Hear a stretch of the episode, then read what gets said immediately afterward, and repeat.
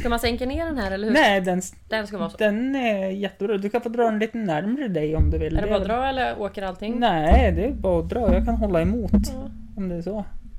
Så här eller? Det där blir jättebra. Mm. Ja. Jag börjar spela in så att det... Nej!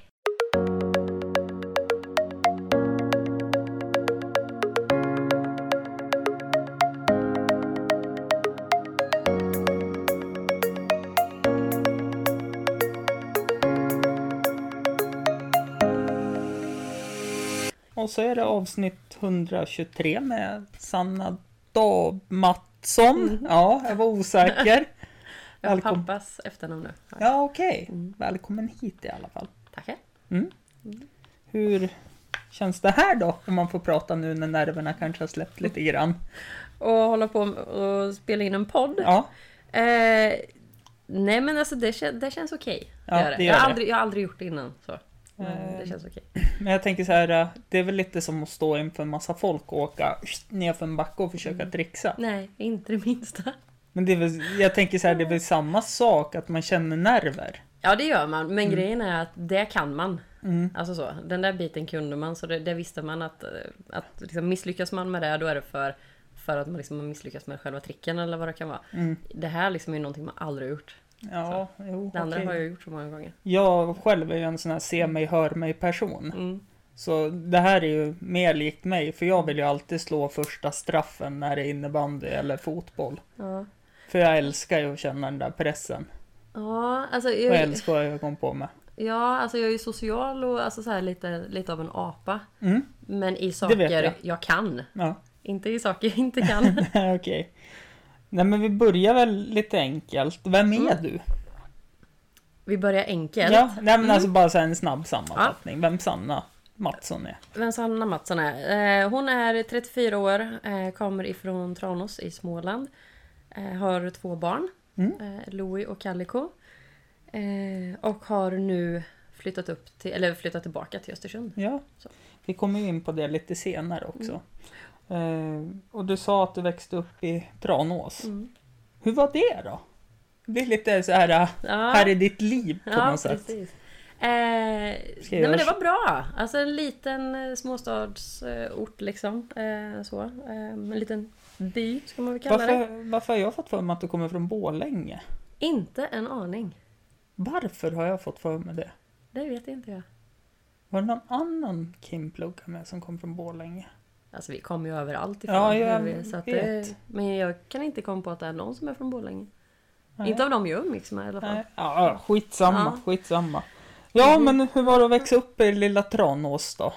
Ja men det var bra. Ehm, det var litet, det var gemytligt. Eh, så. Men samtidigt när man blev äldre så var det väldigt tråkigt. Mm. Eh, fanns ingenting att göra i stort sett. Mm. Och sen var det ju så att sen hittade jag ju snowboarden när jag bodde hemma. Mm. Eh, min bror började åka snowboard så då hängde jag på där. Och sen eh, var det dags för gymnasiet och eh, jag kom in upp i Malung men valde att inte hoppa på snowboardlinjen där uppe. Eh, vilket jag ångrade så att när det var dags för mig sen med eh, universitet så kände jag att nej, jag ska upp där snön är. Mm. Eh, och fortsätta sträva efter snowboardkarriär bland annat. Eh, så det vart upp hit. Vart Ja. det. Och så pluggade jag socionom här. Ja. Och sen åkte jag bräda på sidan av. Mm. Mm. Så Tranås var för litet för att göra det man ville göra. Ja, nu ska vi säga Tranås. Nu tänker jag med neråt i landet. Ja, mitt Ja. Jönköping och Linköping. Ja, precis. Och då tänker jag inte så mycket fjäll, inte så mycket snö. Svårt att hålla på med den idrotten då. Ja, absolut. Det, Vi hade en liten, eh, eller vi hade några småbackar i Asby som vi åkte framförallt i. lite som Gustavsbergsbacken då eller? Ungefär, så. Ja. Ungefär. Där Inte riktigt lika brant. Nu när du eh, är nyinflyttad här igen då så Mm. måste jag berätta det. I vinter kommer ju du ha jättekul där för de har ju byggt, byggt ut Mhm. på baksidan. Jaha, Ladängen heter det och där har de en liten fun park. det blir kul. Med, jag tror det är två big jumps och eh, Har de pipe ja, också? lite boxar och sådana saker men ingen pipe. Ingen pipe? Nej. Nej. Mm. Och för er som undrar då vad en pipe är. Det är ju en så här typ som en skateboardramp fast gjord av snö. Mm. Eh, Okej, men nästa fråga jag hade, det var ju vad var du för slags person i lågstadiet? Klassens clown. Okej, Mm. Och eh, pojkflicka. Alltså Mm. så. Jag hängde med med grabbarna än vad jag gjorde med tjejerna. så du var alltså den som var ute med grabbarna på kalas och Mm. sprang och. Pang-panga? Ja, vi sprang och pangpangade, vi hade snöbollskrig, vi spelade innebandy, vi spelade vanlig bandy, vi spelade fotboll, eh, ishockey på vintrarna. Mm. Vi lekte krig, gjorde vi. Eh, och jag var alltid med. Ja. Mellanstadiet då? Mm, då tror jag att jag försökte passa in som en av tjejerna, men gick väl inte så superbra. Jag var fortfarande liksom pojkflicka. Mm. Eh, Jag har ju två äldre bröder så att eh, har man Du har blivit präglad. tuktad alltså? Oh ja! Lite Ja. som jag har blivit av mina systrar då? Ja, Fast precis. kanske inte på samma sätt. Ja. Men jag var nog fortfarande väldigt mycket klassens clown. Mm. Så. Mm. Högstadiet då? Nu, Eh, bör- nu, börjar det bli, nu börjar det bli en känslig Ja, ålder här. precis. Ja, nej, men då var jag rebell var jag. Eh, jag var punkare under ett tag, eller under en tid. Eh, hade skottsrutiga byxor och det var nitarmband och nithalsband och ja, men såna grejer. Så lyssnade väldigt mycket på hardcore, gjorde jag. Ja. Eh, och någonstans där kom skateboarden in i Mm. livet för mig. Ehm, så ja, men jag har varit lite av en rebell. Så. Mm. Brydde mig inte så mycket över vad vuxna tyckte eller vad de tänkte. Eh, nu kommer jag inte på vad... Eh, krossa... Nej men vad säger punkarna nu? Nu är jag mer inne på här patriarkatet och feminismen. Ana- Ja, anar- anarkin ja, Anarki, precis. Ja. Jaha, så punkar då? Det hade jag inte sett dig som. Jag har varit allt. Har jag. Ja, Okej. jag har väl alltid haft eh, lite svårt att veta. Eller jag har inte haft svårt att veta vem jag är, men jag har haft svårt att hitta en stil. Ja, Okej. Alltså så. Mm. Eh, och har det fortfarande. Så i- idag när jag är vuxen, jag har den stilen jag känner för under den dagen. Liksom. Ibland är jag lite mer kostymkvinna, alltså lite mer affärskvinna. Mm. Eh, andra dagen så är jag kanske lite mer åt skaterhållet, andra dagen är jag mer sportig. Alltså Mm. så att Jo, ja, men mig så vad där är jag också. Mm. Det, det är väl inte så konstigt att man är det. Det är det som är så skönt när man är Mm. vuxen. Att nu skiter man ifall man passar in eller inte vilka Ja. kläder man har på sig. Ja, Så länge man trivs i ja men precis. Och jag vet att när jag växte upp så var det alltid att alla andra hade en stil. det. Mm. De var så säkra på att "Ja, men det här är jag liksom. Och jag var sådär Jaha, ska jag också ha det? Men så var jag aldrig riktigt bekväm liksom att köra under en längre period med samma typ av stil. Mm. Men jag tänkte på högstadiet överlag. Det var rebell och så. Mm. Och så kommer det ju en tid när man måste lämna högstadiet. Mm. Och kanske säga hej då till sin klass man har gått tillsammans med från Mm. grundskolan, säkert vissa från dagis och så blir det gymnasiet. Mm. Hur uttryckte sig det? Ehm, alltså jag har inte riktigt haft det där att ha, alltså vara i samma klass med dem. Jag Nej. gick liksom dagis och lekis och Mm. ettan, tvåan. För jag bodde ju i Tranås innan men sen flyttade min mamma och tog med sig mig och min, en av mina storebröder Mm. eh, till Boxholm. Så då bytte vi liksom klass. Mm. Eh, och sen var jag bara där ett par år. Och sen när jag började gymnasiet så flyttade jag tillbaka till Tranås. Mm. Eh, så då var det ju liksom med några man kände från när man var liten och några man inte kände alls. Mm. Så, eh, och det är lite så det var under tiden jag växte upp. Liksom. Vad läste du på gymnasiet då? Barn och fritid. Tog den lätta linjen. Ja, Gör det. det gjorde jag också. Ja. Nej, en riktigt bra linje faktiskt. Måste jag säga. Jag tyckte det. Jag tyckte den var Jag tyckte den var skön för jag behövde göra lika mycket Mm. som jag gjorde på högstadiet egentligen. Ingenting Nej. nästan. Nej men precis. Och sen var jag så här att jag visste inte vad jag ville göra. Nej. Alltså jag hade ingen så här, när jag gick i nian så hade jag ingen tanke på att ah, men det här ska jag bli så då ska Mm. jag ta den linjen. Utan för mig var det så här, jag, jag har ingen aning. Mm. Så då tog jag en linje som jag kände att som var lagom för mig. Men jag tänker på barn och fritid så då. Kontra till, för du har ju varit inne på det att du läser socionom här. Mm. Eh, bara lite snabbt, flyktigt. Hur mycket fick du plugga upp för att ta dig in på socionomutbildning? Ingenting. Ingenting? Ingenting. Började inte plugga något. Jag kom in på alla betyg. Så där ja. Mm. Och jag var ingen plugghäst så det var inte så att jag hade MVG i alla ämnen. Det hade jag inte. Nej. Eh, Jag hade några MVG, några VG, några G liksom. Eh, Mm. Men jag kom in på betyg. Ja, i och för sig du sökte här i Östersund också. Mm. Det är väl ganska lågt Fast- antagnings... Jag kom in i Lund också. Jaha, jag. så Och där där ja. har de ju högre poäng. ja. Så. Men eh, valde ju Östersund. ja då, har jag, då har jag ingen förklaring till hur det här har gått till. Men socionom då, när vi ändå har snuddat på ämnet, varför valet? Eh, jo, men alltså, som jag var inne på förut, jag var lite av en rebell. Eller Ja. började bli en rebell i, i nian där. Ja. Ehm, och eh, för det fortsatte väl under de första ett och ett halvt åren på gymnasiet. Och som många andra förr i tiden så det har ju varit mycket liksom fester och som det är för även många andra ungdomar nu Mm. så har det ju varit liksom Alltså det var ju lite droger inblandade och sådana saker. Mm. Inte ifrån kanske just ifrån min Nej. sida så. Men det Eh, fanns men det, där. Ja precis, i Ja. umgängeskretsen. Och Mm. jag menar vi var ju väldigt väldigt många som umgicks med varandra. Vi Mm. kanske var ett om man ska samla allihopa i ett rum så kanske vi var 45 personer egentligen i den här umgängeskretsen. Mm. Eh, och det var några där som hade vissa problem och andra Mm. inte då. Eh, och sen vart jag vän med en, eh, en kille som hette Daniel. Mm. Som till slut blev en av mina absolut bästa vänner. Mm. Eh, vart även som en av mina bröder. Och Mm. jag vart som en syster för honom. Han hamnade väldigt snett i, eh, i just missbruk. Men Ja. tog sig ur i alla fall. Gjorde han. Mm. Flyttade tillbaka till Stockholm där han kom ifrån. Och eh, sen så skulle vi... Sen var han hemma i Stockholm och sen skulle han komma ner eh, under, över helgen och sen skulle jag följa med honom upp till Stockholm och hälsa på Mm. lite av hans familj. Och när han är här nere så händer någonting som gör att han kör ihjäl sig. Och Jaha. eh, det visade sig att han hade droger i blodet. Okej. Och där bestämde jag mig för att jag ska bli socionom och jobba med behandling. Ja, okej. Så där Det var väl- socionom. Det var väl eh, en bättre story än många andra kan jag Mm. tänka mig. Att du, Absolut. Du vill hjälpa personer. Ja. Undrar vad fan Kim ville när hon sökte. Det är jag fundersam på. Ingen aning. ja men fyra år över socionomutbildningen. Om jag har förstått det rätt va? Tre och ett halvt va? Tre och ett halvt till och med. Mm, Ja, det hade jag fel. Ja, sju terminer är det. Ja. Mm. Kan du berätta? Ta, ta dig igenom på en kvart ungefär alla år. En kvart. Ja. Det, det går kortare än så. Eh, det är studentfest typ hela tiden. Ja, jo, jag vet. Jag höll Ja. på med en inkilningen och nollningen Mm, en månad till ja. Ja. Men precis. Nej men alltså socionomprogrammet var en av de bästa tiden i hela mitt liv. mm, Alltså så. Eh, riktigt, riktigt roligt. Eh, jag vet första, jag, jag kom upp hit till Östersund och så hade vi vår första tenta.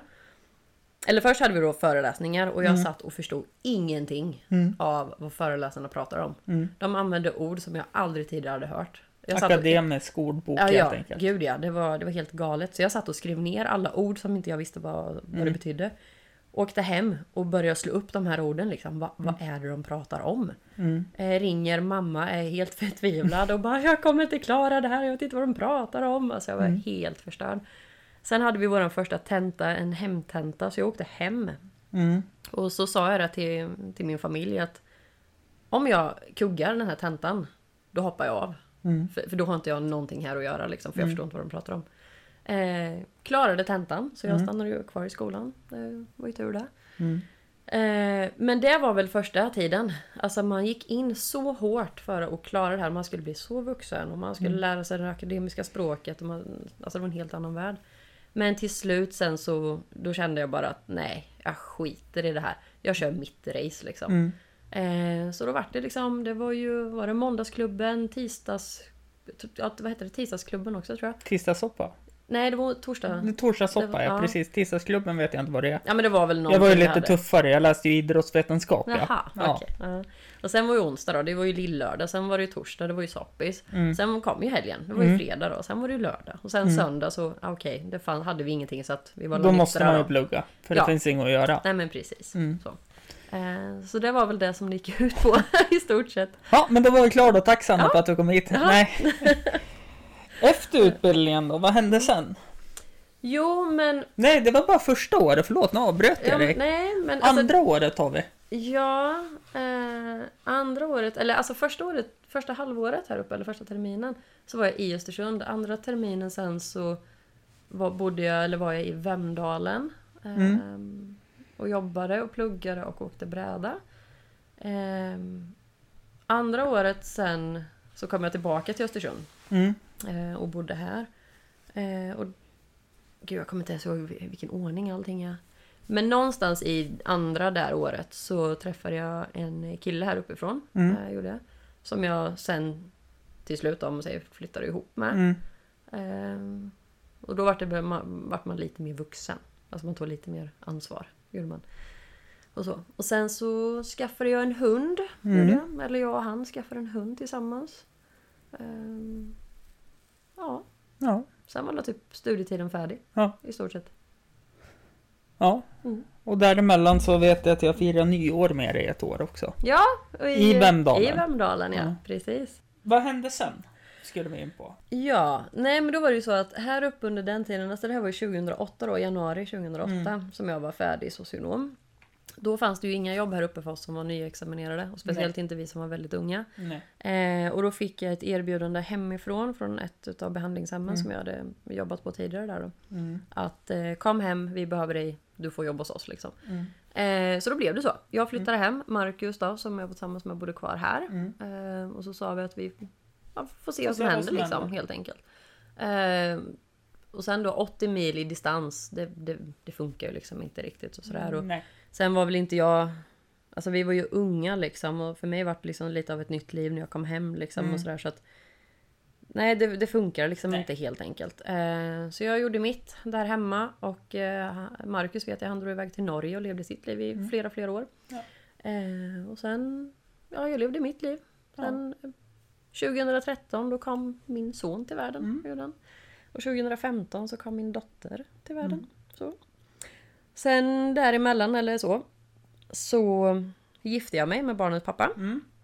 Ehm, barnens pappa är ju specialistofficer. Mm. Så han har ju i stort sett aldrig, alltså aldrig egentligen varit hemma. Nej. Han har Precis. alltid varit iväg. Mm. Ehm, även när barnen var små liksom. Han var hemma. Haft väldigt mycket att göra kan jag tänka mig på jobbet.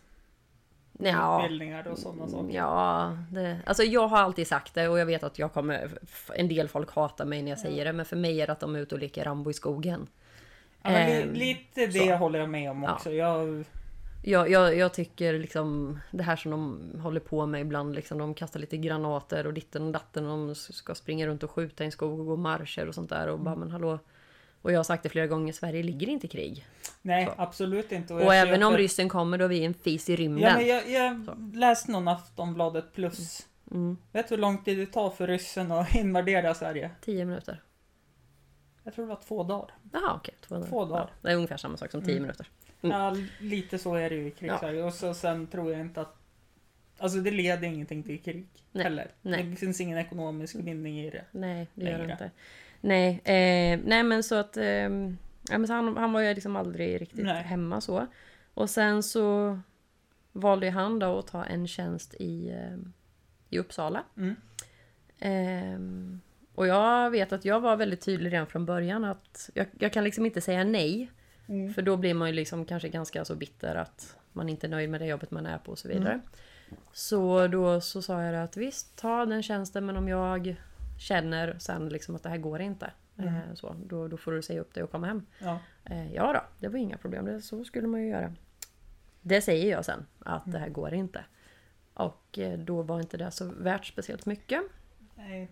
Så han kom inte hem utan han valde jobbet då. Mm. Eh, varpå jag ansöker om skilsmässa. Mm. Eh, Det, det är klart, det kan vi köpa på något sätt. Det är svårt att vara, vara med någon som man inte träffar. Mm. Det är klart att det tär. Det gör det. Alltså Mm. jag hade ju ett stort hus liksom på Mm. var det 189 Jag har sett kvadratmeter liksom. från Pool och min systerdotter som Ja, hoppar i. Ja, att- precis. Eh, nej men alltså det... Jag hade liksom ett stort hus, liksom ett heltidsarbete, två barn. Alltså sen då försöka ha någon typ av fritid också liksom. Ehm, alltså det, det gick ju inte. nej. Alltså så. Eller jo, det, för mig gick det. Ja. För mig gick det jättebra. Ja, ja. Men då gör jag det själv. Alltså så. Jag tänker inte vara någon fasad som man kan måla upp liksom att åh titta vilken fin familj jag har. Nej. Om man inte väljer att vara delaktig i den. Mm. Så. så då ansökte jag om skilsmässa. Mm. Gjorde jag. Sen. Och grejen är så här att jag och Marcus då som jag var tillsammans Mm. med här uppe i Östersund. Mm. Han eh, och jag har alltid varit väldigt goda vänner. Mm. Vi har aldrig varit osams. Nej. Eh, så vi har alltid haft liksom lite så kontakt Ja. med varandra. Men när jag skilde mig så eh, hörde Marcus av sig liksom och bara, men liksom hur är läget liksom Mm. och sådana saker. Och ja men så pratade vi lite sådär. Och sen så sa han det att han bara, men fan jag kommer ner. så Mm. ungefär. Ehm, och hälsa på. Ja Mm. men visst gör det. Han kom ner, dig som var ju Mm. goda vänner. Så var ingenting. Och sen började vi umgås och prata mer och mer med varandra. Och sen så upptäckte man väl sen att det är ju någonting som inte har försvunnit där. Ja, okej. Det var så pass. Så pass var det. Så efter, var det 11 år eller någonting. Så är man tillbaka. Men Kul! Ja, det är jättekul. Det är det. Låter ju som världens... eh, Jag tänkte på den här Dear John, fast omvänt på något sätt. Mm, mm. Nu var det Mm. någon som åkte till Norge och jobbade som fiskrensare eller någonting. Ja, Istället för militären. mm, precis. Ja. Ja. Nej, så att... Eh, nej, och sen var jag ju då... Sen, alltså vi blev ju tillsammans då sen. Mm. Eh, och då hade vi ju faktiskt distans. Mm. Eh, I och med att jag hade två barn, eller har Mm. två barn. Eh, så att Marcus var ju hade nere... varit jobbigt om du hade stått fast vid hade. Ja, precis. Det hade varit väldigt jobbig situation här för Nej, mig. mina, mina två barn går alltid först och kommer alltid att gå först. Alla beslut jag tar Mm. är helt grundade på vad som är bäst för dem. Ja. Eh, jag kommer alltid i andra hand. Mm. Så. Eh, nej men alltså sen var det så, Marcus han kom in till oss och, och vi åkte väl upp lite ibland och sådär till, till honom då så. Så att barnen lärde känna honom men sen då när vi liksom så här, det här går inte att fortsätta med så vi kan inte liksom ha ett förhållande 80 Nej. mil emellan. Eh, då var, det, var jag fast besluten med att jag flyttar inte. Mm. Jag rör inte på mig. Jag har ett jättebra hus, Mm. ett fint hus. Jag har min familj och min släkt och mina Mm. vänner här nere och barnen har liksom hela sin liksom, tillhörighet här Mm. nere. Eh, så jag var, sa ju det till Marcus, du får flytta ner. Mm. Och han, ja jo, det förstår jag ju, sa han. Jag bara, Sen gick tiden. Tiden gick och jag märkte att Marcus ville inte riktigt lämna Östersund. Nej, det är Så. ju lite så att antingen är man väldigt hemmakär i Östersund eller Ja. så flyr man så fort man får chansen. Precis, och han är väl väldigt hemmakär. Mm. Ehm, så där ett tag så vart jag så att nej men jag skiter i det här. Mm. Alltså så, jag bara, jag tänker inte hålla på med det här. Men sen åkte i alla fall jag och min äldsta bror, hans familj. Eh, och jag, jag och mina barn då, sen min lillebror och även Marcus då, vi åkte till Idre. Mm. Gjorde vi. Ehm, och då hade jag och Marcus redan pratat om det här liksom att det, det funkar liksom inte typ. Mm. Men sen då när man träffades där uppe då, då kände jag bara så här att vad fan är det jag håller på med? Alltså vart jag bor har ju egentligen inte med saken att göra. Så. Ehm, så jag åkte hem och så bara kände jag det att... Alltså då tog jag en, en riktig så tankeställare för mig själv. Varför bor jag kvar här hemma? Alltså i, i Tranås då liksom. Och kom fram till att jag bor kvar i Tranås för att alla andra i min familj vill att jag ska bo kvar i Tranås. Mm. Ehm, alltså mormor ville ju att jag skulle bo kvar i Tranås för att hon skulle träffa barnbarnen. Eh, morfar och, Mm. och hans fru, eller pappa då, eh, Mm. och hans fru ville också att jag skulle bo kvar i Tranås för att de skulle kunna träffa barnbarnen. Mina bröder eh, tyckte väl li, lite likadant. Den enda som faktiskt var sådär att Sanna, ta ditt pick och pack och dra. Mm. Det var min äldsta bror och hans fru liksom. Mm. Ehm, och då satt jag och tänkte jättemycket liksom att jag lever mitt liv för hur andra vill att jag ska leva mitt liv. Mm. Och då satt jag och tänkte att vad är det jag vill? Mm. Så, vad, vad, har någon någonsin frågat mig vad mår du bra av? Vad Mm. vill du göra? Liksom? Och det hade ju ingen frågat. Nej. Så jag satt länge och funderade och sen så kände jag bara att nej, jag har ingenting i Tranås. Det, jag är färdig med Tranås och har nog varit det väldigt länge egentligen. Mm. Och då kände jag att nej, jag vill visa mina barn att liksom, ni behöver inte bo kvar bara för att familjen bor här. Utan åk iväg, gör det ni mår bra utav. Det, det känns som en småstadsfälla på något sätt. Mm. Vill jag, säga. jag vet inte, nu är jag osäker på hur stort Tranås är. Det är ju inte jättestort. Men det känns som att det finns en stor skylt Välkommen till Tranås och så Mm. lite längre bort finns det en Välkommen tillbaka. Ja, Eller typ så. Ja. Ja, typ så. Nej, men och det känns som att eh, det blir lite den här familjeskulden på något sätt. Mm. Ja, lämnar. Mm. lämnar jag så kommer inte de få träffa mig så Mm. då stannar jag kvar. Precis. Nej men och så, så var det ju liksom, eh, tycker jag. Eh, lite. Och sen var det att jag hade målat upp någonstans i mitt huvud att vi var sån... Att vi var en familj som hade så mycket gemensamt. Att vi var så... Att vi var så nära varandra. Mm. Det har vi varit en gång i tiden. Alltså så. Vi har verkligen varit supertajta allihopa Mm. i familjen. Men eh, någonstans på vägen så har det splittrats. Eh, har det Mm. gjort. Eh, jag menar jag stod min eh, lillebror, vilket jag i och för sig fortfarande gör, väldigt nära. Mm. Ehm, han står jag fortfarande väldigt nära så Mm. det har väl inte ändrats egentligen. Men sen då min andra bror, bror som är ett och ett halvt år äldre än mig, honom har jag också stått jättenära Mm. innan. Vi har liksom umgåtts i samma gäng, vi har alltid Mm. varit med varandra. Han och jag, vi, vi pratar ju inte ens. Alltså, Nej. vi är inte osams. Nej, nej. Men vi pratar inte med varandra. Men är det inte så lite grann? Ja, När man växer upp så... ja, jo, men så, Ja. jo men så kan det absolut Ja. vara. Men jag i min värld tänkte liksom att det där gamla är liksom fortfarande kvar, att vi är sådär supertajta. Mm. Jag och min äldsta bror, vi har gått igenom ganska mycket ihop Mm. liksom. Så vi har haft så här att vi inte har pratat med varandra. Sen har vi, Mm. sen har vi liksom återfunnit Ja. den här kontakten. Så att vi står varandra också ganska så nära idag. Och är det Mm. någonting så ringer jag honom. Mm. Eh, och det uppskattar jag något oerhört att han Mm. finns där liksom. Eh, och sen har jag alltid haft den här bilden av att jag och min mamma, att vi har varit så himla nära. Men där har man liksom, när jag satt och funderade på alla de här delarna, att varför är jag kvar? Mm. Då upptäcker jag också att jag och morsan har en ganska dysfunktionell relation. Jag känner igen det där. Ja, alltså vi... På ett sätt så är hon min Mm. bästa vän men sen är vi också så extremt osams. Mm. Ehm, och det är Jag mycket... känner igen det där. Ja, alltså... Och jag kände så här, det tog så fruktansvärt mycket energi av mig. Men då, då har jag en fråga. Mm. Är det ni som är osams eller är det du som är osams med henne? För det är en Ehm, skillnad. För så har jag uppfattat att vi är osams, jag och min mamma. Men det är ju jag som är osams med henne. mhm. Jag tror det är både och. Mm. Alltså frågar man henne Mm. så är det jag som är osams med henne. Mm. Eh, frågar man mig så är det ju... Det, det är så dysfunktionellt. Så att jag väljer att ta mig bort därifrån. Mm. Eh, och ha liksom en ganska, just nu, liksom ytlig en Mm. del, kon- eller ändå en kontakt liksom. Mm. Eh, jag vill ändå att hon, hon ska ha en god relation med, med barnen liksom Såklart, såklart. såklart. Eh, och jag, är klart att jag vill att hon ska vara en del i mitt liv, Mm. absolut. Men inte, det får inte kosta vad det vill. Eh, och innan så har det, det har kostat extremt mycket energi från mig. Mm. Har det gjort. Ehm, och jag känner att jag inte vill att ge den energin längre. Nej. Utan ska det vara en relation som funkar bra då får det också vara en relation som det är ge och ta i. Ja, Och såklart. inte bara envägsgrej liksom. Men frågar man henne så är det ju inga fel och brister liksom. Utan Nej, där är ju allting jättebra. Och så är det jag som är konstig då förmodligen. Känner igen det där. Mm. Väl, väldigt mycket kan jag meddela. Och jag är sån att när det blir det där med att det blir så dysfunktionellt så blir det giftigt för mig. Mm. Eh, och jag vill inte att mina barn ska vara i en giftig, Nej, i en giftig situation. det Liksom. förstår jag. Så. Jag vet att med min mor i alla fall, det är jättetrevligt att hon kommer och Mm. dricker kaffe och så. Mm. Men då har jag gjort några tappra försök och försökt sova över där. Så Mm. att hunden min får vara ute och springa löst och, och Mm. gott. Och det har funkat tills dagen efter när jag vaknar. Mm. Då går det inte längre. Så då måste jag åka hem. Mm. Och det är jäkligt lätt när hon bor ute i Krokom. Mm. Vi har ingen körkort, ingen bil. Mm. Och jag är beroende av att hon ska köra med. Mm. Och hon tar ju lite extra tid på sig då också för hon känner på sig det. Så att Ja. nu vill Hampus hem men då måste han vara kvar lite längre så att Ah, han kommer okej. över det där. Jaha. Och då Mm.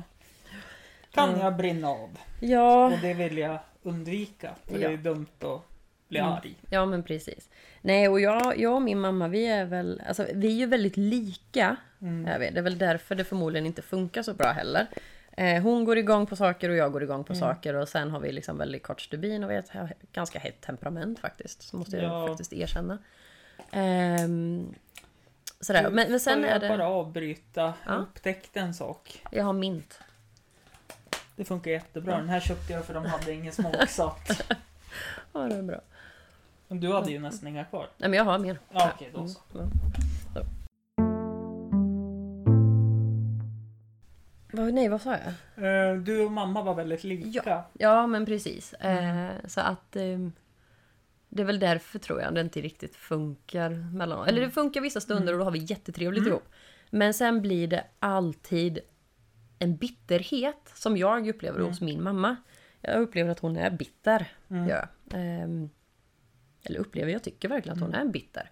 Och det kommer fram med att liksom det är fel på allt och alla och ingenting är bra och den ena är dum i huvudet och den andra är si och den andra är så och sådär. Mm. Och sånt där tycker jag bara är så tråkigt att lyssna på. Jag tycker det är så fruktansvärt Mm. jobbigt att höra. Och sen säger, ryter jag ifrån då liksom att lägg ner. Jag Mm. vill inte höra det där. Det är Mm. skittråkigt. Och då blir hon tjurig och sen så bara spinner det och sen så... Ja. Ja, jag har väl lite också lik min mor på det sättet att det är lite det här besserwisser-tänket. Ja. Om jag får ta en anekdot. Ja. Att eh, det var ju försökte terrorbrott här i Östersund för inte så länge sedan. Ja, jag läste Och då börjar ju mamma direkt att Ja men det är någon gammal tjackis som har fått psykos eller någonting. Det är från Flower Power-tiden. Och jag bara, men mamma de har gripit en man från Uzbekistan. det. Mm. Han har fått, eh, ja, inte fått uppehållstillstånd Mm. och gjorde det här. Så det är ingen tjackis. Jo men alla de där bygger, och så vart vi så osams. Du anar inte. Så det slutade med att jag fick åka hem. Mm. Och det är det här. Hon kan inte ge sig när det redan finns Mm. fakta för Mm. att hennes version är rätt. Mm. Och jag är väl lite likadan. Mm. Eh, lite som det här. eh, nu kan jag trampa fel och jävligt rätt här, det vet jag inte. Men för oss lyssnarna kommer jag trampa jävligt fel. Jag är så jävla less på Greta Thunberg. Inte Mm. på själva Greta Thunberg. Nej. Inte på att klimatet Mm. men att folk blir så upprörda på just Mm. Greta Thunberg. Mm. Och jag märkte att jag börjar också bli väldigt upprörd på Greta Thunberg. För jag har lärt mig att autistiska personer ser allting svart eller vitt. Mm. Och hon ser allting väldigt svart nu på framtiden med klimatet. Mm. Och om man tittar på hur klimatförändringarna ser ut så går det i cykler. Mm. Och då tänker jag att det kanske inte är svart eller vitt, det kanske är lite grått mer mot svart just Mm. nu. Och sen kan det bli lite gråare mot vitt också. Mm, det är så jag tänker och nu kommer jag att eh, tappa någonting i sponsorväg här känner jag. Nej men alltså jag, jag kan hålla med alltså, när det gäller alltså, Greta Thunberg. Jag, jag tycker att det, det hon liksom kämpar för och själva utgångsgrejen är super superbra, absolut. Men någonstans blir det också så väldigt väldigt förstorat och upphåsat. Eh, så att man tappar själva... Mm. Alltså nu känner jag också att man, man, man tappar lite av fokuset på klimatet. För Ja. nu är det bara så här, Greta och typ Trump. Ja, Deras ja, liksom. Hur, hur de två Mm. pratar om varandra eller sådana Mm. bitar. Ja men okej, vad har det med klimatet att göra egentligen? Och det- Ingenting. Det, det som har blivit är också att i det här fallet så är Greta god, Mm. Messias, Ja. Och Trump är ond. Mm. Det är han i och för sig också, men det, det är ju annan Ja, femma. det finns ju de som säger annorlunda Mm. också där. För att, Men de har fel. Ja, okej. Ja. Tycker jag. ja, nej men absolut. Jag, jag vill inte ta någon ställning där för jag vet Mm. att eh, en tränarkollega till mig var i USA. Mm. För, ja, i september tror jag det var. Mm. Och kom hem och sa det att han hade pratat med någon som jobbade i USA på hotellet de bodde på. Mm. Och sa det att ja, säga vad man vill om Trump. Men de som vill jobba i USA nu, de får ett jobb. Ja, I och för bra. sig var han ju i Florida där Trump hade mest av rösterna såklart. Men alltså det finns ju skyltar, Mm. nästan varje skylt sa de hade någon ute Help Wanted skylt. Så att alltså, det finns ju alltid två sidor. Men jag tror inte att man ska se ont och gott. Utan jag tror att båda har sin version av verkligheten. Och så är det ju. Den här klassiska åttan, nej sexan och nian som man Mm. tittar på åt olika håll. Ja men precis, precis. Nej men alltså så är det ju. Mm. Helt klart, absolut. Ska vi gå tillbaka? Jaha. Och då är jag lite nyfiken på, jag har ju aldrig haft med en, ja, nu är det väl kanske inte ensamstående då som jag har förstått, men jag har skrivit upp Ja. ensamstående mamma på något Mm. sätt. Men Mm. kan man säga separerad mamma, hur Ja. livet som det är? Eh, alltså, för mig... För mig är det ingenting som är konstigt. Nej. Alltså så. Ehm, för jag har i stort sett alltid varit ensamstående. Alltså, Ja, så, barnens jo. pappa har ju aldrig riktigt varit med. Mm. Ehm, så att eh, för mig har det aldrig varit konstigt. Alltså det har aldrig varit ett problem. Jag vet många, eller många, eller jo, väldigt många i min familj har frågat liksom hur jag orkar och att jag måste ha mer än 24 timmar på dygnet liksom för att hinna Mm. med allting. Ehm, och speciellt min pappa har varit på mig väldigt mycket liksom över att han har varit orolig att jag liksom ska gå in i väggen Mm. och liksom att det är för mycket för mig. Ehm, och det har jag förklarat för alla liksom, och speciellt för pappa där att det är inte jobbigt för mig att ha ett stort hus att ta hand om. Eh, jag går ut och skottar, barnen är med mig när jag skottar. Jag Mm. går ut och, och räfsar löv, barnen är med mig när jag räfsar löv. Eh, jag går ut och klipper gräset. Mm. Barnen är med mig ute när jag klipper gräset. Jag städar poolen. Ja men barnen är med när jag städar poolen. Alltså jag har ju med mig barnen i allting liksom. Visst det tar lite längre tid kanske. Mm. Ja, såklart men det är inte ett problem för mig. Nej. jag renoverar hemma liksom, eller inne, eller då när jag bodde där. Eh, så höll jag på att renovera liksom. Och det gjorde jag när barnen gick och la sig. Och det var min egen tid, det var min avkoppling. Mm. Jag älskar att hålla på och liksom riva ner tapeter, spackla, måla om och tapetsera nytt liksom. Det där tycker jag är skitkul. Så det var liksom min egen, alltså det var min lugna stund liksom. Det var din eh, ja, Återhämtning. precis, egen tid. Ja. Eh, jag vet, jag satt hemma en gång, jag hade ringt till pappa och bara du, visst har du en motorsåg? Ja det har jag, men den är hos en, en eh, kompis till mig. Jag bara okej, men kan, kan inte du typ hämta hem den? Om, eh, Mm. Typ om ett tag då. För jag, jag behöver låna, jag ska liksom såga ner ett träd, eller två träd som jag har på trädgården. Ja visst sa han sådär. Sen gick det så länge och jag satt och störde mig så långt på de här äppelträden som jag hade för jag ville inte ha dem. Mm. Så en kväll så sitter jag, liksom, barnen har gått upp och lagt sig och jag sitter där och sen bara Nej, fan. Jag går ut och sågar ner skiten nu. Ja, okej. Så jag gick ut och hämtade en sån här, vad heter det? Eh, Fogsvans. Jaha. En sån här egen, alltså handsåg. Ja. Gick och hämtade en sån och sen bara stod och sågade. Såg ner alla grenar, sen såg jag ner stammen liksom alltihop. Och liksom jämnade den med, Mm. med marken liksom. Eh, och sen bar jag upp alla grejer. Det här tog ju mig några timmar. Ja, det Kan jag var inte en kvart kände Nej, det var det inte. Barnen gick och la sig vid sju och jag kanske kom in igen vid tolv. Ja. Eller något sånt. Och sen hade jag liksom hela tiden så att vi hörde dem då. jag. Ja. Eh, så ifall det skulle vara någonting. Men de, de låg ju och sov. Och sen vet jag, så ringer pappa mig, tror jag veckan efter. Så bara, du skulle du ha motorsågen? Nej, det behövs inte längre. Nej, ska du ha kvar träden? Nej, jag har sågat ner dem. Jaha, men har Krille, en kompis till mig då. Ja, har Krille varit ute med motorsåg eller? Nej, jag tog en fogsvans och så, såg av. Och han bara, du är ju dum i huvudet. Ja, bara, det är möjligt, men jag fick ner dem. ja, så. eller hur? Ja, eh, så för mig har det aldrig varit ett problem att vara ensamstående. Eh, det har aldrig varit jobbigt. Nej. Jag älskar att umgås med mina barn. Mm. Liksom. Jag, jag, jag tycker det är skönt. Känns, känns som en sund inställning att ha. Ja, ja, det är det. Och, Jag vet att många brukar, i alla fall i Mm. min bekantskapskrets, brukar vara såhär Åh men nu vill jag ha pappatid eller nu Mm. vill jag ha mammatid. Så Mm. då åker man iväg och är borta i mm, två, tre timmar när barnen kommer hem från förskolan och lämnar dem till mm, den andra föräldern. Och då blir den här, ja men det är ju nästan viktigaste tiden Ja. för du jobbar. Barnen måste vara någonstans Mm. då på förskola. Mm. Där har jag ju snarare haft mm, alltså, dåligt samvete. För jag Mm. vet, jag pratade med eh, förskolepersonalen hemma då i, Mm. i Zoomen när jag bodde där.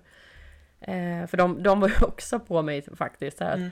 Går det bra? Orkar du liksom? Du är helt ensam och du jobbar heltid. Och Mm. Då jobbade jag som socialsekreterare Mm. så då var det väldigt mycket övertid. Mm. Eh, väldigt mycket liksom tuffa Mm. ärenden. Liksom. Jag jobbade ju väldigt mycket med LVU och hedersärenden och sånt Ja. Eh, så även de frågade mig liksom, om jag pallar trycket. Liksom. Men, eh, men där sa jag det till dem. Jag bara, det är inte ett problem för mig. Mitt problem är att jag har väldigt dåligt samvete. För att ni träffar mina barn mer än vad jag gör om vi kollar i vaket tillstånd. Mm. Ni träffar dem liksom mellan halv åtta till typ halv fem. Mm. Och då är de vakna. Jag träffar dem från, liksom, ja, från kvart i sju till halv åtta på morgonen och sen träffar de från halv fem fram till klockan sju. Sen sover de. Mm. Så jag sa det till dem att där har jag ju nästan mitt problem att jag får dåligt samvete av att jag inte träffar dem så mycket. Mm. Så varje minut som jag har med mina barn är super, super viktig Mm. för mig. Är den. Sen klart att jag kan vara svintrött. Alltså du vet, de Ja, är säger på varandra och de bara kivas och alla de här sakerna. det är Minns på dop när det var en liten dotter som hade tagit en större brors ballong så att jag gick och hämtade en annan ballong. Var det min, mina? Det kan ha varit Kan det. ha varit mina. Ja. Sådär. ja, nej men alltså. Man kan bli skittrött på sina ungar. Det Ja, kan man. Det blir alla. Alltså det, säger någon att de aldrig blir det, då ljuger de. Ja, Alltså då är det något fel, för då ljuger de. Mm. Eh, jag kan vara snortrött på mina barn. lite som men- den där gamla tesen att alla tänker någon gång att de ska kasta ut ungen genom fönstret. Ja, men det gör man inte. Nej, Nej. Det är när man inte tänker det man gör det. Ja, men precis. Mm. Eh, nej, men så att, men, men, men jag älskar liksom att få vara, Mm. ha varenda minu- minut liksom med Mm. mina ungar. Ja, det, det är det bästa jag vet. Det förstår jag. Så, och sen är det liksom... Det här är egoistiskt av mig. Det Mm. här är jätteegoistiskt. Eh, för, för det är absolut inte bra för mina barn. Mm. Men för mig är det superbra. De träffar ju inte sin pappa speciellt ofta. De Mm. träffar honom väldigt, väldigt, väldigt sällan. Eh, barnen pratar mycket om honom. Pratar Mm. mycket om att de vill liksom åka dit. De Mm. frågar varför ringer aldrig pappa till oss? Mm. För det, det gör han inte. Han Mm. ringer aldrig. Ehm, Så, så de är ju liksom, de saknar ju såklart sin pappa. Ja, men Alltså, såklart, så. och så en manlig förebild överlag är ju väldigt viktigt. Ja, men det är Barn i Alla, Mm. alla åldrar. Ja, nej men så är det. Eh, så, så för deras skull så skulle jag jättegärna liksom vilja att, att deras Mm. pappa ville ha dem oftare. Ja, Men eh, det vill han inte. Nej. Eh, Men för min del, som jag sa, jag är väldigt, alltså av egoistisk eh, synpunkt då, så är ju det här skitbra för mig. Ja, För jag får vara betydligt mer med dem. mm. Så. ja, för det tänker jag på. Ursäkta om jag Mm. avbryter nu, men alltså jag tänker på. Ja visst, nu har jag haft en bra pappa under förutsättningarna. Mm, Men jag har ju alltid letat manliga förebilder i mina systrars pojkvänner. mm, För att hitta en stadig punkt som alltid går att lita på. mm, Eftersom pappa var lite ute på alkoholist. mm, Ja, han var alkoholist Mm. och mm, var väl inte så säkert. Man visste inte om man skulle komma för sent till skolan eller Mm. om man skulle vakna i tid för det var ingen som körde upp en på Mm. morgonen och sådana saker. Det är klart att det sätter sina spår. Och Ja, och, och det, var, det var ju också så en del av, av när jag bestämde mig för att flytta just till Östersund. Då var det också det här att den som var den manliga förebilden, både för mig, Mm. men även framförallt för mina barn och Mm. framförallt för min son, Mm. så var det morfar. Mm. Eh, det var ju morfar som lärde Louie liksom att stå på ett par skridskor. Mm. Det är morfar som har tagit med honom på fyrhjuling, liksom Mm. åkt runt och liksom hållit på. Det är morfar som har alltså, gjort allting så med honom. Eh, och morfar är en jätte, jätte, jätteviktig person för Louie och även för Callie. Men, men eh, och framförallt för mig. Det har varit en väldigt stadig punkt i våra Mm. liv liksom. Och det vet jag var ju också en sån här grej att, jaha, då flyttar jag. Då Mm. försvinner den här manliga förebilden. Mm. Men sen vet jag att jag satt där och, och tänkte just på den Mm. biten liksom att nej men jag kan inte göra så mot Louie liksom och ta bort den, den manliga förebilden Mm. som han har. Men så blev det att, ja, fast vänta nu. Morfar ska ju vara morfar. Mm. Han ska ju inte vara en, en, en, man, Nej. alltså en, en pappaförebild Nej, liksom. Morfar ska vara morfar. Mm. Eh, och sen då i och med att jag var tillsammans med Marcus så, så kände jag det liksom att det är Marcus då som Mm. i så fall ska Eller bli den manliga förebilden Verkligen. utifrån en, en papparoll. Mm. Ehm, och jag pratade ju mycket med Marcus om det och för honom har ju det aldrig varit några liksom, konstigheter. Det har aldrig varit liksom, en, en fråga ens en gång. Nej. Ehm, och jag menar även när Marcus då har varit nere hos, hos oss så Mm. förra sommaren så var det ju han som lärde Louie hur man cyklade. Mm. Han sprang runt med honom liksom och släppte taget alla de här bitarna liksom så att han lärde sig att cykla. Nu, i, nu här eh, under hösttiden här, när, Mm. när ishallen öppnade. Det är Marcus som har liksom varit och åkt skridskor med Louie och jag har åkt med Kalle liksom. Mm. Eh, så att det, det är Marcus som blir den här förebilden Ja, som jag vill att Och det ska vara. jättebra. Ja, och morfar ska få vara morfar. Ja. Det, det är ju det. Så, men det här, just det här att det finns en manlig förebild för mina barn är super, super viktigt. Mm. För innan så har det bara varit jag och barnen. Mm. Så, och det, det har varit svårt. Jag har varit, Ja. jag har varit mamma och pappa. Ja. Och jag kan inte riktigt axla den här papparollen. Det, det funkar liksom Nej. inte riktigt. Så. Du kommer nog in i den när de börjar ta hem killar eller tjejer. Oh ja. Oh ja. Då sitter du nog där De, de kommer inte ha killar och tjejer. Nej tjejer. okej, så. Nej, nej. Nej. Nej men då. Och de ska vara hemma tills de är 40. Ja, det, klart. det är lugnt. Mm. Mm. Låter sunt. Mhm. Nej, du, när de är 20 så bara snälla, hitta en lägenhet. Ut, Ut, med er! Ut.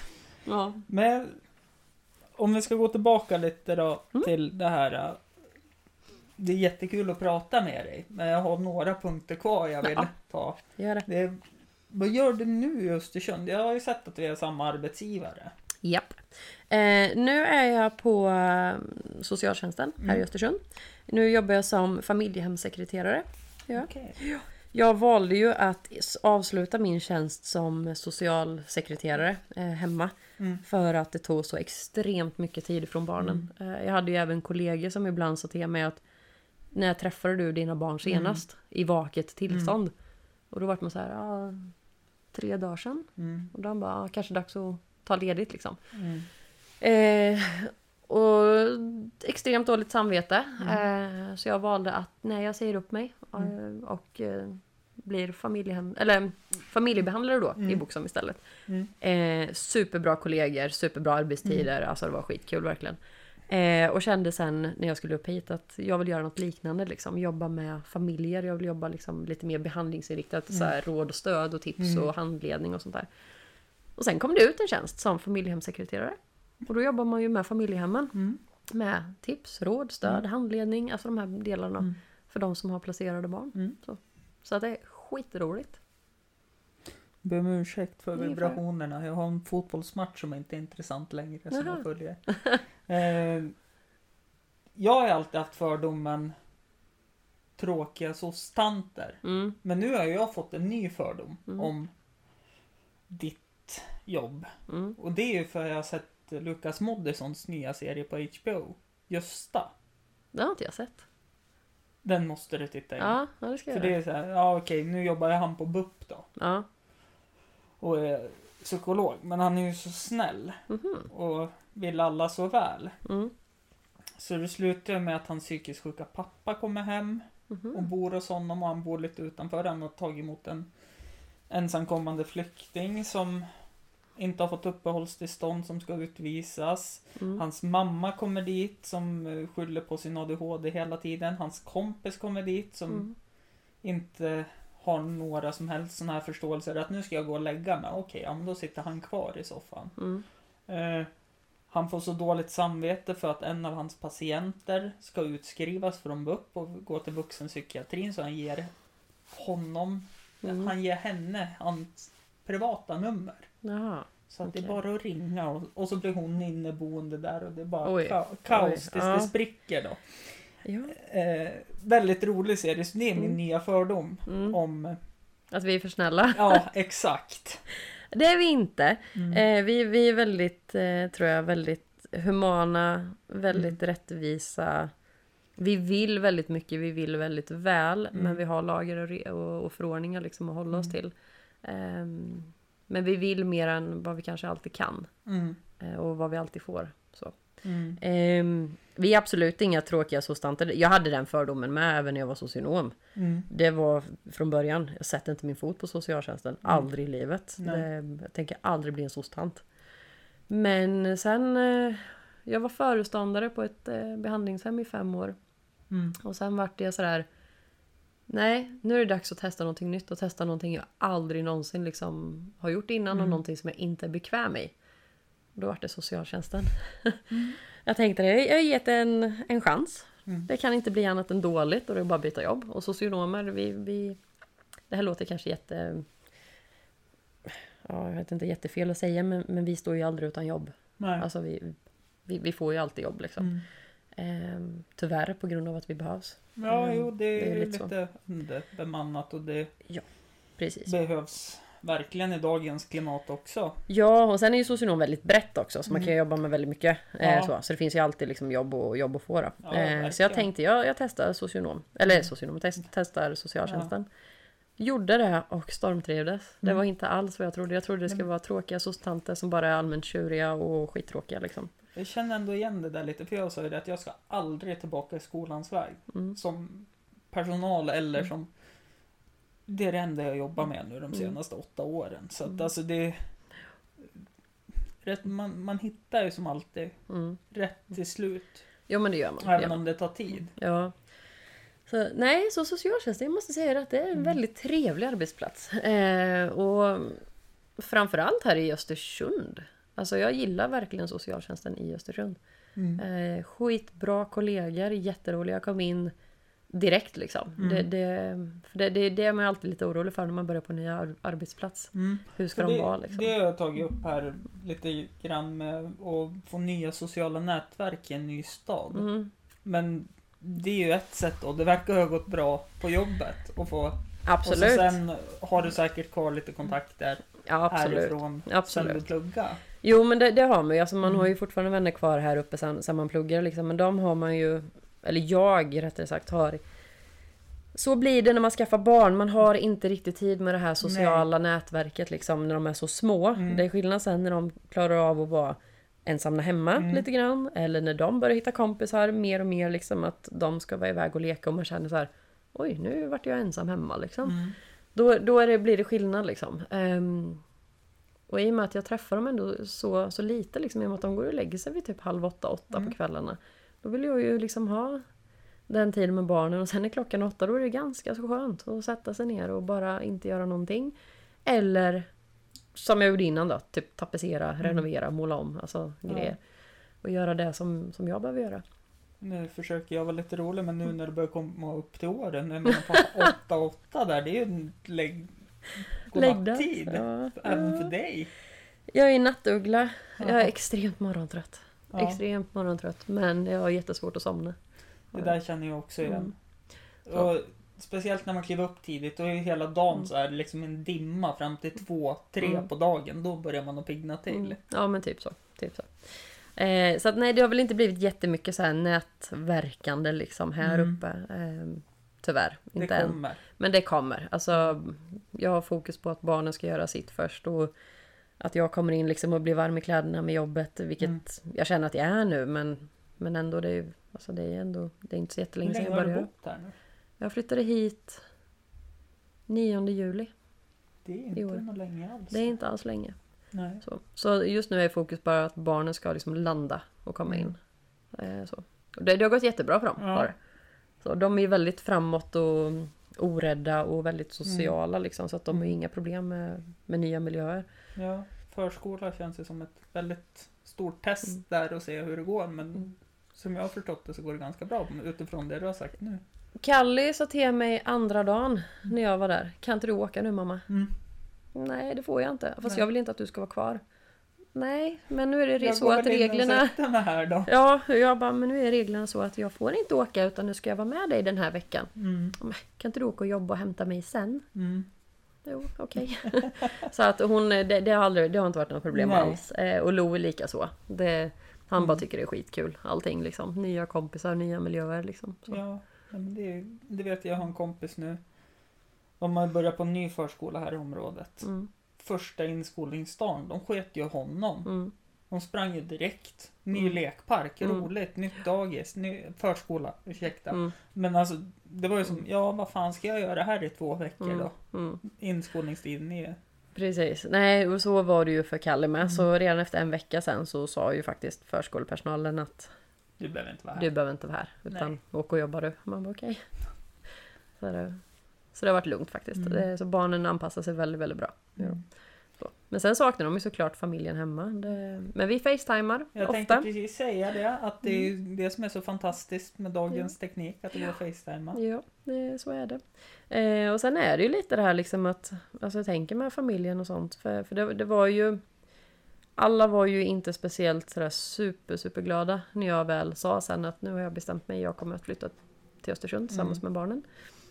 Det var väldigt motstånd ifrån samtliga i min familj förutom då min äldsta bror och hans familj då. Mm. De tyckte att jag gjorde helt rätt. Mm. Ehm, men sen la sig det, i alla fall hos min pappa och hans fru, det la sig Mm. ganska snabbt, gjorde det. Och även hos min lillebror. Ja. Men det var ju som jag sa att jag kommer att åka hem med barnen fyra gånger per år.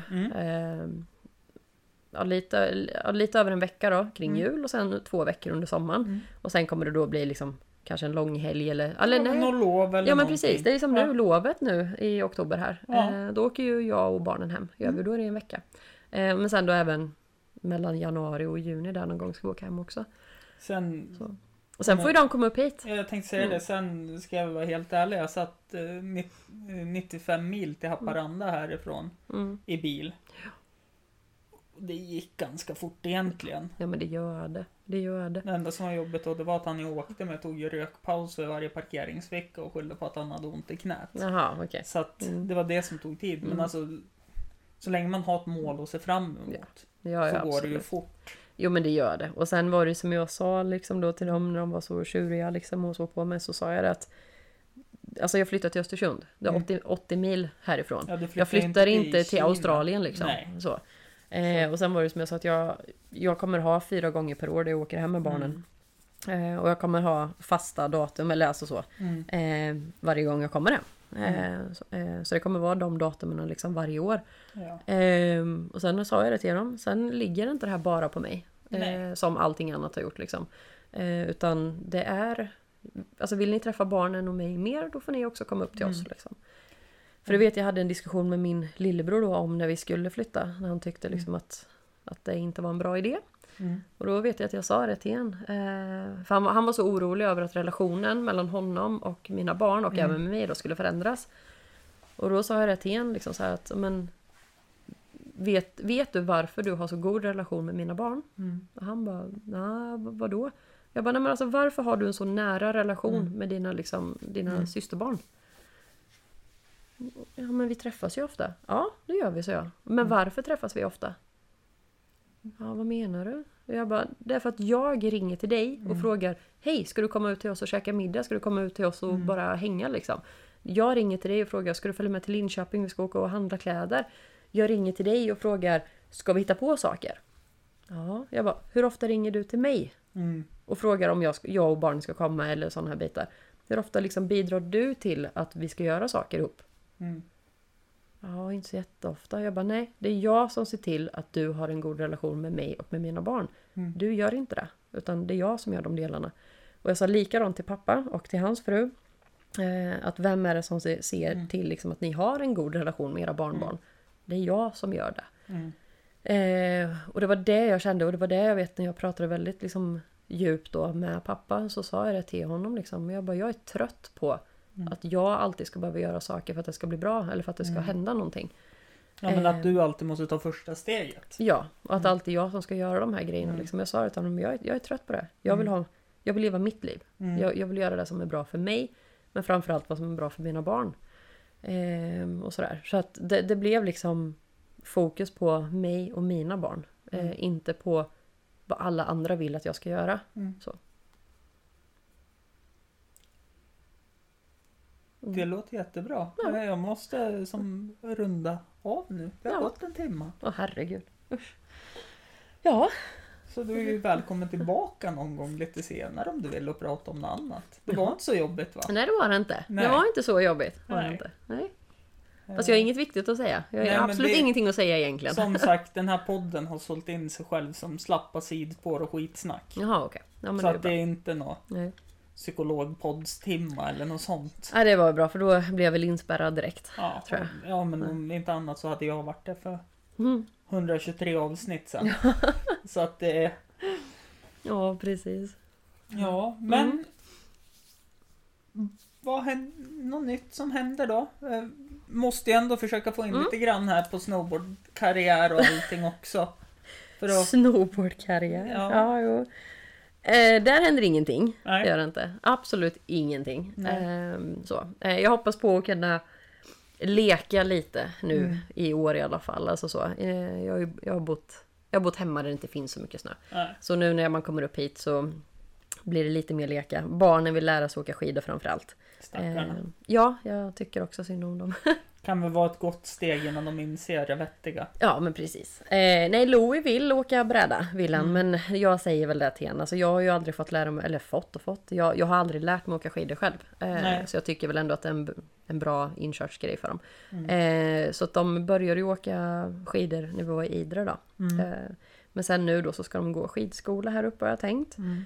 Och då blir det ju medan de går där så får jag leka. Ja, Och sen kommer det bli alltså skidsemestrar. Mm. Så. Och jag och min äldsta bror då, och min lillebror och Marcus, vi har ju sagt att vi gör favorit i repris efter som en tradition. Så vi kommer ju åka iväg då, jag och min äldsta bror, hans familj och eh, min lillebror och eh, ja men jag och barnen och Marcus. mm. Vi kommer åka varje år någonstans i Sverige. Mm. Eh, och bara ta en veckas semester. ja, det är ju som nära och bra här på något sätt. Det är Bydalen, Vemdalen, Åre. Mm, det är även ganska nära till Idre också Ja, faktiskt. Faktiskt, Så. är det. Mm, så är det. Så Så det att det är ju inte helt omöjligt. Nej, så där var de faktiskt väldigt snälla nu förra året när de var uppe. Då, de vet ju att jag är, är mig själv som mest när jag får åka Mm. bräda. Eh, så att eh, på kvällarna när det var kvällsåkning så var de snälla allihopa. Så de bara du, åk ut själv. Ingen Mm. av oss följer med. Du kan plugga in musik i dina öron. Mm. Liksom vi tar hand om barnen. Ut och njut. Så, så det var bara ut och åka och Klipp leka. till fem minuter senare när du kommer in med fot, Ja. foten vriden baklänges. Ja men precis. Nej, nej det händer inte. Nej. Gör det inte. Nej. Sen har man blivit, jag, jag har blivit jättefeg sen jag skaffade barn också. Ja. Ehm, så. Fast det där har jag märkt med ålder. Mm. Förut, ja men vad fan, jag kunde ut och åka skateboard, longboard vet du, och tog ju Frösberget utan problem fast det kom trafik. Usch. Mm. Nu, nej, kan ju Mm. göra ont om jag ramlar Mm. så att jag skiter i det där. Mm. Jag har varit sugen på att köpa inlines också. Det är ju Mm. så här. Ja men jag tolkade efter mopeder och allting när jag var yngre. Mm. Inga problem, jag ramlat aldrig. Mm. Nu, om jag skulle göra samma sak. Mm. det kanske gör lite ont det här om jag skulle fara eller börja wobbla lite. Nej, Ja, nej. nej, nej, usch. Nej, jag vet inte, jag blir, jag blir för feg så det är absolut inte samma, samma lek. Eh, Mm. så. Eh, det är det inte. Men farten är densamma. Ja, Okej. Men, men leken är lite För det lugnare är någonting jag saknar, adrenalinpåslaget av Mm. farten. Sen Mm. kan ju inte jag åka så mycket utför Mm. längre. Jag går ju bara sönder ja. så att det, Ja, det gör inte jag. Inte Nej. längre. Jag, jag tog sönder mig när jag var yngre. Gjorde jag, så Mm. att, eh, jag tog ja. aldrig sönder mig när jag var yngre. Så Aha. jag får igen det nu. Jaha, okej. Nej, Jag tog sönder mig när jag var yngre. Mm. Jag har brutit typ... Nej, det har jag inte, men jag tänkte säga nästan varje ben i i kroppen, men inte riktigt. Men Nej. jag brutit med därpå. många, ja, jag har brutit med många gånger och det har varit många spruckna ögonbryn och Mm. knäckta näsor och ja, sådana saker. Har det. Men eh, inte längre. Nu har jag två barn att tänka på. Ja, eller hur? Jo. Får man lägga lek lekandet åt sidan. Ja, Ja. tills, tills de flyttar ut. Ja, precis. Då får jag bli en pensionär på snowboard istället. Det är ju faktiskt någonting som ska bli jävligt coolt när den här generationen, Ja, jag är väl där och snuddar också, växer Mm. upp på Mm. ålderdomshemmen när vi sitter vid datorer och tatueringar överallt. Ja. Och ja det ska bli spännande. Om det Ja. finns kvar någon äldrevård då. Ja, men sagt. precis. Ja, det får man ju se. Ja, Den jag, som har- lever jag har ju planerat på att forskarna ska göra något piller som man lever till 200 och ser ung ut. Sen bara, nej nu orkar jag inget mer. Mm. Så är det lugnt. Ja, ja. Ja, men, ja, det hade ju inte varit fel i och för sig. eller hur? Inte. Samma sak som att jag vill att de ska göra ett piller som man äter så blir man mätt. Ja, det, en hade varit, det hade varit jävligt bra. Gud vad smidigt. Slipper man tänka på mat och allting. Ja, vad smidigt. Gud vad smidigt. Ja. Det, det hade varit skitbra om de kunde hitta på. Faktiskt. Och med de orden så avslutar vi det här. Tack för att du ville komma Sanna. Tack själv. Hej då!